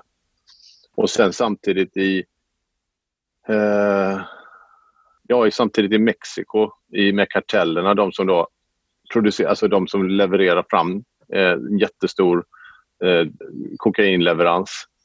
Och sen då eh, Eh, de, tredje delen är det här eh, eh skepparbolaget eh, liksom emellan. Med och som också är ett familjeföretag och de två barnen som får ta över den här stora stora leveransen, lasten som, som italienska maffian har beställt. Och så, så hoppar man och så bör, liksom börjar de mötas. Men det kändes väldigt eh, genuint eh, researchat och mm, ja, men man har inte riktigt sett det innan tyckte jag. Följa en last på det här sättet. Korruptionen och makt och liksom våldet i, i, eh, i Mexiko och, ja, och sådär. Ja, men, bra, bra serie. Det var ju väldigt påkostad också såg man. Själv då? Har det, hur ditt tittande, har det, hur har det varit? Alltså är, det, är det detsamma? Jag förvånar mig själv med att jag ser mindre film nu. Ja, okej. Det, det är lite märkligt. Jag, Vad betyder det då? nej, jag trodde att jag skulle liksom säga, okej, nu jag jobbar hemifrån, jag har inte pendling, jag har inte liksom... Då tänkte jag så här, nu, nu kommer jag bara så här plöja film, liksom, kommer gå igenom hur mycket film som helst. Och så har inte det hänt liksom. Men kanske var det så att du såg innan film som så här, jag måste se, jag har det här liksom, man har den här dogmen, jag måste se två filmer om dagen och, och så. Och nu när det är så här så är det som att du inte riktigt är under den pressen längre. Nej, sätt. kanske. Och sen så, jag tror också det handlar om det här med att sitta vid en skärm hela dagen och sen ska man fortsätta sitta vid en skärm resten av dagen. Alltså det är hela den grejen. Ja, det är inte så skönt. Nej. Mm. Nej, så att mitt, mitt eh, tittande är väl liksom eh, sig likt ungefär. Ja. Men eh, tack så mycket Jesper för att du eh, var med och delade med dig av dina, dina olika eh, rekommendationer och tips här. Ja, det var det lilla. Indiana Jones is on the quest of a lifetime. But for some adventures, one Jones is not enough. Dad? Junior? Don't call me that, please. Follow me! I know the way! A race across three continents. And in this sort of race, there's no silver medal for finishing second. Hang on, Dad, we're going in! Into the homeland of the enemy. Nazis. I hate these guys. Och till sist så tar jag ett snack med Emma Gray Munte. Kritiker och skribent som ju bland annat recenserar film i Aftonbladet. Emma är även konstnärlig ledare för Bergmanveckan som ju är ett av många kulturevenemang som fått anpassa sig till en ny verklighet under den här pandemin. Och för Emmas del så är det betydligt färre pressvisningar och biografbesök på agendan just nu. Hur går det med eh, Bergmanveckan? Först kan du säga något om eh, hur ni har varit tvungna att ställa om och ställa in eller? Ja, alltså vi fick ju ställa in Bergmanveckan såklart. Och sen så försöker vi få till något digitalt. Så i mitten av juni kommer vi dyka upp på SF Anytime. Eh, och då har ju många distributörer tidigare varit ganska, eh, låtit ganska positiva till att förhandsvisa filmer digitalt. Alltså vi skulle ju visa på festivalen sånt som kommer till hösten. Eh, men nu när det väl blir så är de lite mer försiktiga för att det ställer ju till det för dem när de ska gå på bio till hösten. Och, och det ändras ju besked varje dag och de vet ju inte hur de ska göra eller så att, ja, bio, vissa biografer är ju jättemycket emot det såklart. Och apropå biografer och sådär, jag menar du recenserar ju film i Aftonbladet bland annat. Hur, jag har ändå sett att de kör lite pressvisningar fortfarande, men det är inte så mycket filmer som går upp. Hur har ditt, eh, dina biobesök förändrats under den här perioden? Jag har inte gått på bio alls och Nej. i de fall jag har eh, att jag ska skriva en film så har jag bett om en länk. Mm. Så att jag har inte varit på bio på hur länge som helst. Det är ju ganska deppigt. Och det är inte alla filmer som mår så jättebra av att ses hemma, litet. Med alla möjliga saker som kan hända när man är hemma. Att man har sämre koncentration, det ser inte lika bra ut, man är inte i den där lådan som är helt mörk. Och, ja. Så det är som det är. Men jag har inte varit på bio på jättelänge. Det intressanta dock med eh, pressvisningar är ju att de borde vara ganska så här coronasäkrade. För det brukar det... inte vara så hemskt mycket folk på dem. Nej, det är sant. Men det är ändå så att man går in i ett... Alltså det känns bara onödigt tycker jag. Eh, men har du varit på bio på länge? Nej, det var jättelänge sedan. Men nu är det ja. till och med så att i Malmö är det nu, tror jag, omöjligt att gå på bio. Jag tror, jag tror, inte, jag tror inte någon är öppen. Ehm, jag vet att Eh, Kino i Lund är mm. öppen. Just det. Är, det är också de enda som eh, annonserar om eh, bioprogram i dagstidningen. Liksom. Mm. Både Panora är, ligger nere, Spegeln är stängd, Filmstaden naturligtvis. Så att det är, det, jag tror inte du kan gå på bio i Malmö i princip. Jaha, men skulle du gjort det om du kunde? Eh, Panora kanske, för att mm. där är det inte för att tala ont om Panora, och det gör mm. jag inte för att de, jag älskar Panora och de ligger dessutom på min gata så att jag är väldigt mm. nära till dem. Mm. Men eh, där brukar det inte vara fullt, om vi säger så. Nej, nej. Eh, men jag har inte varit på bio på jättelänge ändå känns det som. Alltså, mm. Inte ens när det blev liksom som mest eh, sådär, stanna hemma-läge. Att det var så här, ja, jag skulle vilja säga att det här har förändrat mina filmbeteende mm. jättemycket, mm. men ja, sådär liksom. Nej, jag är ganska ofta på bio. Eh, det är ju mitt sätt att här, stänga av lite, trots att det är mitt jobb, men att man går på en matiné och ser något som är helt lustbetonat, att man inte går. Men nu har det blivit väldigt mycket så att jag sett jobbsaker. Ja, nej, man hade väl kunnat gå på bio, men det känns... Men det, det, en sak som skulle kunna locka mig, det är när man hyr hela, eller man bokar hela biografen. Ja, just det. Och, och visst är det så att eh, det är någon biograf eller ett par kanske i Stockholm som har, har de inte börjat med det? Jag tror Capitol ja, så är någonting. Precis. Ja. precis, och det var, jag tror det var Bioskala i Båstad. Mm. Eh, där jag har varit mycket, för jag hade ju lilla filmfestivalen där. Jag tror att det var han som började eh, med det, att man kunde boka hela. Och sen så tror jag att också man kan boka några biografer och spela.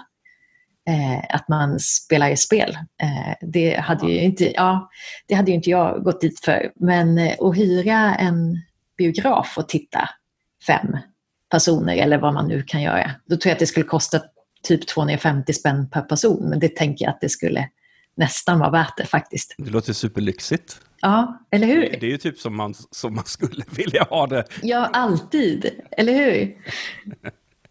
Så eh, du, har du nu när du har suttit hemma då och kollat, har det, har det mest varit filmer som du ska skriva om? Eller har du, har du sett mycket mer filmer nu när du har varit hemma? Liksom, eller hur, hur har det gått? Tyvärr har jag sett mycket jobbfilmer nu och så är jag lite ur synk. Du vet, man har vissa perioder när man inte riktigt kommer in i, att man ser, så, sen när man är två som bor ihop också, att man inte riktigt synkar i vad man vill se. Så då blir det någon slags kompromiss där ingen är nöjd. Så egentligen borde man ju bara vara benhård, att nu är det jag som väljer film och imorgon är det du som väljer film. För då, kan man se, då får man ju se saker som man inte annars automatiskt hade valt. Eh, nej men mycket jobbfilm faktiskt. Men jag hade så långtgående planer. Att eh, över hela året så skulle jag se topp 50 på Sight and Sounds eh, lista över bästa filmerna. Och varva den med BBC Cultures bästa filmer regisserade av kvinnor. Så att man skulle blanda upp det lite. Eh, och jag kom en bit, men sen hakade jag upp mig någonstans där det var att man, den fanns inte att streama och så skulle jag beställa den på DVD och så tog den jättelång tid på sig att komma. Och så blev det en massa jobb och så har det fallit lite. Men det tänker jag att jag nu kan plocka upp igen. För nu har, det, nu har jag fått till någonting digitalt med SF Anytime och då kan jag liksom slappna av lite mer. För först var det så att jag skulle bli klar med programmet och sen pös luften lite ur en och då var jag bara trött och sömnig.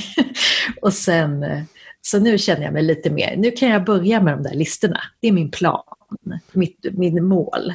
Brukar du ha sådana här eh, listprojekt? För det är någonting som jag också har gjort ibland. Att mm. man har liksom, det brukar sluta i en, en fin ambition och sen så kanske det inte håller hela vägen. Men brukar du göra den typen av... Eh, alltså det, jag tycker det är en jättebra idé med det här, mm. de här topplistorna. Mm. Om inte annat för ett, ett liksom mer systematiskt sätt att typ ja. bocka av luckor som man... Precis. Ja, men det var ju det som var ambitionen. För jag brukar inte göra så. Jag brukar inte ha några sådana projekt på gång. Men jag tänker att om man har en lista att gå efter, då, har man liksom, då är det bara så här, nu ska du se den här filmen. Du har inget val. Och det tycker jag är ganska skönt när man har till exempel en tv-serie. Att då vet man, det är det här man ska se på kvällen. Det är inget annat, för annars kan det gå så otroligt mycket tid att man ska välja film. Ja, men du vet, man, det är som att gå in i en jättestor bokaffär eller en jättestor filmbutik. Att den, det blir att man mest står och tittar sig omkring handfallen. Var ska jag börja någonstans? Eh, så att därför har jag gett mig på det här listprojektet. Och sen så, såklart, när jag började på Bergmanveckan, att man skulle se alla Bergmanfilmerna och sådana här saker. Det har jag faktiskt inte lyckats med än. Jag har inte sett alla. Ganska katastrofer. Många ja, precis. Eh, och, så, och så blir det ju så när man ska se filmer i jobb att ja, det blir som det blir. Har du några höjdpunkter den senaste tiden som du skulle kunna eh, berätta någonting om? Ja, alltså jag har inte sett någonting som har knockat mig ur strumporna som Porträtt av en kvinna i brand. Men där är ju andra sidan ribban, en sån film ser man ju vart femte år eller någonting sånt där. Eh, men vad har jag sett? A Secret Love såg jag i helgen, som är ny på Netflix. Om ett eh, äldre par som är 80-90 någonting. Lesbiskt par som har varit tillsammans i, vad säger de, 65 år eller någonting sånt där. Och så ska de flytta för de är så gamla så de klarar sig inte själva. Och så i den här filmen då så berättar de om sitt liv och alla fördomar de har fått stå ut med. Och de har inte kommit ut ens för sin familj. De har trott att de är bästa vänner som bor ihop i 65 år, vilket ju känns helt osannolikt. men men då, får, då får man liksom deras historia samtidigt som man får historien om ett par som har varit tillsammans väldigt länge och hela den här, när de ska packa ihop sitt hem alla foton, allting ska packas, vad ska slängas, vad ska följa med till det här äldre boendet. Och då är det en sån där bit och också därför den heter Secret Love, att i alla deras brev, de hittar en, en låda med gamla brev, kärleksbrev. Men då har de varit tvungna att riva av den nedersta biten på brevet för att om någonting skulle hända dem så ska ingen kunna hitta den här lådan med brev och veta att de skrev brev till varandra. Och det är en sån, det är en sån svindlande sak, bara det. Eh, så den, den, tyckte jag väldigt mycket om och den var väldigt ja, rörande på väldigt många olika sätt. Och historiskt intressant såklart. Man fick se eh, bilder från deras liv och en av dem var också en av dem som hade varit med i ett av de där baseballlagen som eh, A League of Their Own. När de skulle börja med sig, kvinnor som spelade. Och det, det, var ju också superspännande att se det, bilder därifrån och höra hur de berättade och alla fördomar de fick stå ut med. De skulle spela i kjol och så här, glida på gruset, hyfsat oskönt. Eh, så det, ja, men den, den var fin att se på många olika sätt. Och sen så såg jag också, ja, när vi skriver för Aftonbladet så måste man ju, eftersom det inte då går några filmer på bio, så blir det att man tar sånt som går direkt till VOD eller som inte har kommit till Sverige. Jag såg en förra veckan, Richard Says Goodbye, med Johnny Depp, som har gått under namnet The Professor tidigare. Den gjordes 2018. Och den har då kommit direkt till, till Netflix bara kanske, eller om den finns på lite andra tjänster. Den var så tråkig så jag förstår inte ens, dels är det urtråkigt att recensera en sån film, för varför ska folk söka sig till den då? Eh, och den var, den, var, den var inte ens usel, den var bara tråkig på det sättet att man undrar varför finns den ens? så, tråkigt och sen då recensera den och så, tråkig tvåa. Men det, finns så... inget, det finns inget värre än just en film som är där man varken kan eh, lustmörda eller, eller någonting, utan bara som är någon sorts gråt. Ja, ja. ja. och det, alltså Johnny Depp brukar inte vara tråkig, men han var han var så tråkig. Och det var, det var som att han, den enda regi han hade fått, eller som han försökte leverera var alltså bekämpa alla de här knasimpulserna, knasiga piraten eller knasiga Tim Burton-figurer. Att det var som att hans ansikte hade ryckningar för att han försökte stoppa allt det där. Och att han försökte säkert gå tillbaka till någon slags seriösa, en annan typ av roller. Men det var, nej, han tenderar ju, eller de senaste liksom, hur många år som helst, så spelar han ju som du var inne på väldigt knasiga figurer. Eh, det var otroligt länge sedan man såg honom bara spela en helt vanlig människa. Ja, och det är det han försöker sig på här. Och då är det, du vet, han är en lärare och han får veta att han inte har så lång tid kvar att leva. Så då liksom släpper han allt. Och att släppa allt i hans värld innebär att han här, kastar ut alla feminist och queer-teorier ur föreläsningssalen och alla med mysbyxor. det är ungefär där. Och så börjar han röka och så börjar han sätta på servitriser på, bar, liksom på barerna och han tar ut eleverna på picknickfiltar och i barer.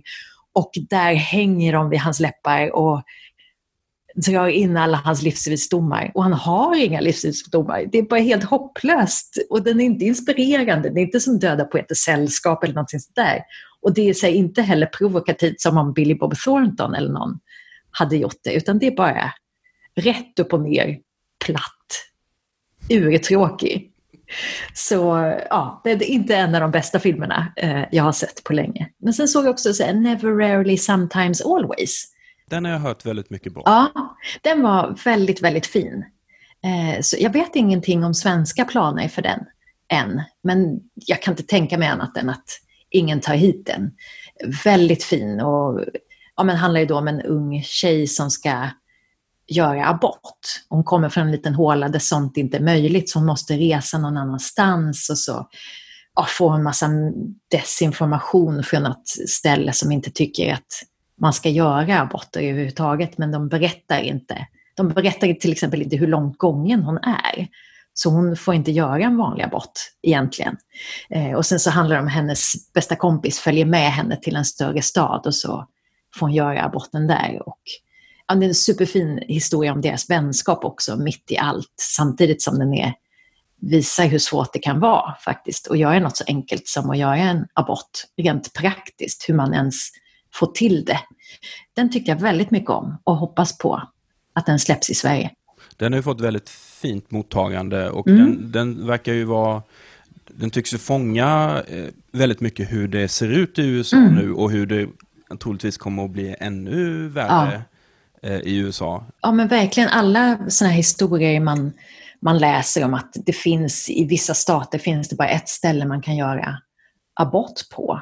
Och så är det en massa regler om att då måste man se och höra hjärtslagen. Så att det ska bli så, så svårt som möjligt. Att de massa ja, men, övergrepp egentligen eh, för att man ska få göra en abort. Att de, just att i vissa ställen måste föräldrarna få veta och man gör det så svårt som möjligt. Också att, att det är inte alla som har råd att resa eller att, få resa till någon annan stat eller bo på hotell och ta ledigt från jobbet. Och det är väldigt mycket det den tar upp också, att de har ingenstans att bo, de här två tjejerna som åker. Utan de får liksom hålla sig vakna i den här storstadspulsen och hustla lite för att få mat och sådana här saker. Så den, är, den är deppig men väldigt fin. Förutom då den här depprullen, har du Mm. åkt på någon riktig nit liksom under, under den här tiden? Någonting som du verkligen har... Eh, något riktigt stolpskott? Något riktigt stolpskott. Nej, men grejen är så här att jag har varit väldigt, ja men det är väl också lite deppigt att man har fått ställa in Bergmanveckan och sånt där, så att jag har varit väldigt sömnig. och då har det varit så att om jag ser något dåligt så somnar jag direkt. Men om jag ser något bra så kan jag hålla mig vaken hur länge som helst. Men, så det, alltså stolpskotten har jag rätt upp och ner somnat ifrån. Överger du de filmerna då om du somnar ifrån dem? Ja, grejen är så här. Jag har varit väldigt noga i mitt liv med att om man börjar läsa en bok eller om man börjar titta på en film, då ska man se färdigt den. Men det har jag lite grann släppt för att det kan man ju inte slösa tid på när det finns så mycket fantastiskt att läsa och så mycket man kan se. Så att jag har varit väldigt noga med det. Jag har haft väldigt svårt att släppa böcker och då blir det istället så att man inte läser. Att då kommer man inte vidare, bara fastnar man. Eh, så det har jag lite grann släppt. Men sen vissa filmer, då måste man ju försöka se om, även om man somnar gång på gång när man ser dem. Eh, ja, nej men liksom, om de har blivit superhyllade så kanske man tänker, ja, men jag kanske missade någonting för att jag somnade till, eller, och så ser man den igen och så man, nej, det är fortfarande jättetråkig. Eh. Jag, jag har stora problem med det där med att eh, överge filmer eller, eller liksom sluta se dem för att jag känner att jag kan inte uttala mig om den här filmen om jag inte har sett allt, precis allt liksom. Och det som du säger, det sätter en i lite så knepiga sitser ibland för att det är så här, åh, ska jag verkligen plåga mig igenom den här filmen? Och särskilt om det är någon, så här, någon jättelång rulle och så. Men jag har fortfarande inte kunnat släppa det. Eh, böcker är jag mycket bättre på att skippa liksom. Och tv-serier ska vi inte tala om. Men eh, filmer är jag, jag är så kompletist, jag måste Mm. Ja, jag, jag är nog ganska glad att jag har släppt det. Sen får man ju bara strunta i att uttala sig om det. Eller så säger man bara jag somnade. det, det, den möjligheten finns ju också, att jag vet inte. Eh, men, sen, men sen eh, en annan sak som jag gör nu, det är att här, försöka läsa lite filmböcker också. Ja, fast det är också svårt när man sitter och jobbar hemma. Och det gör jag i och för sig oftast, men då blir det ju lite så att man om man går till ett kontor och så kommer man hem och då är man färdig, då kan man mycket mer hitta en ro att se på någonting som man bara vill se av lust eller läsa någonting som man vill se eller läsa av lust. Så att det har blivit lite knackigt med läsandet, men jag har också sagt att jag ska läsa lite varje dag, även om det bara blir 15 minuter. Så nu har jag börjat läsa Tab Hunter Confidential om hur eh, den här skådespelaren blev en upptäckt och blev en moviestar.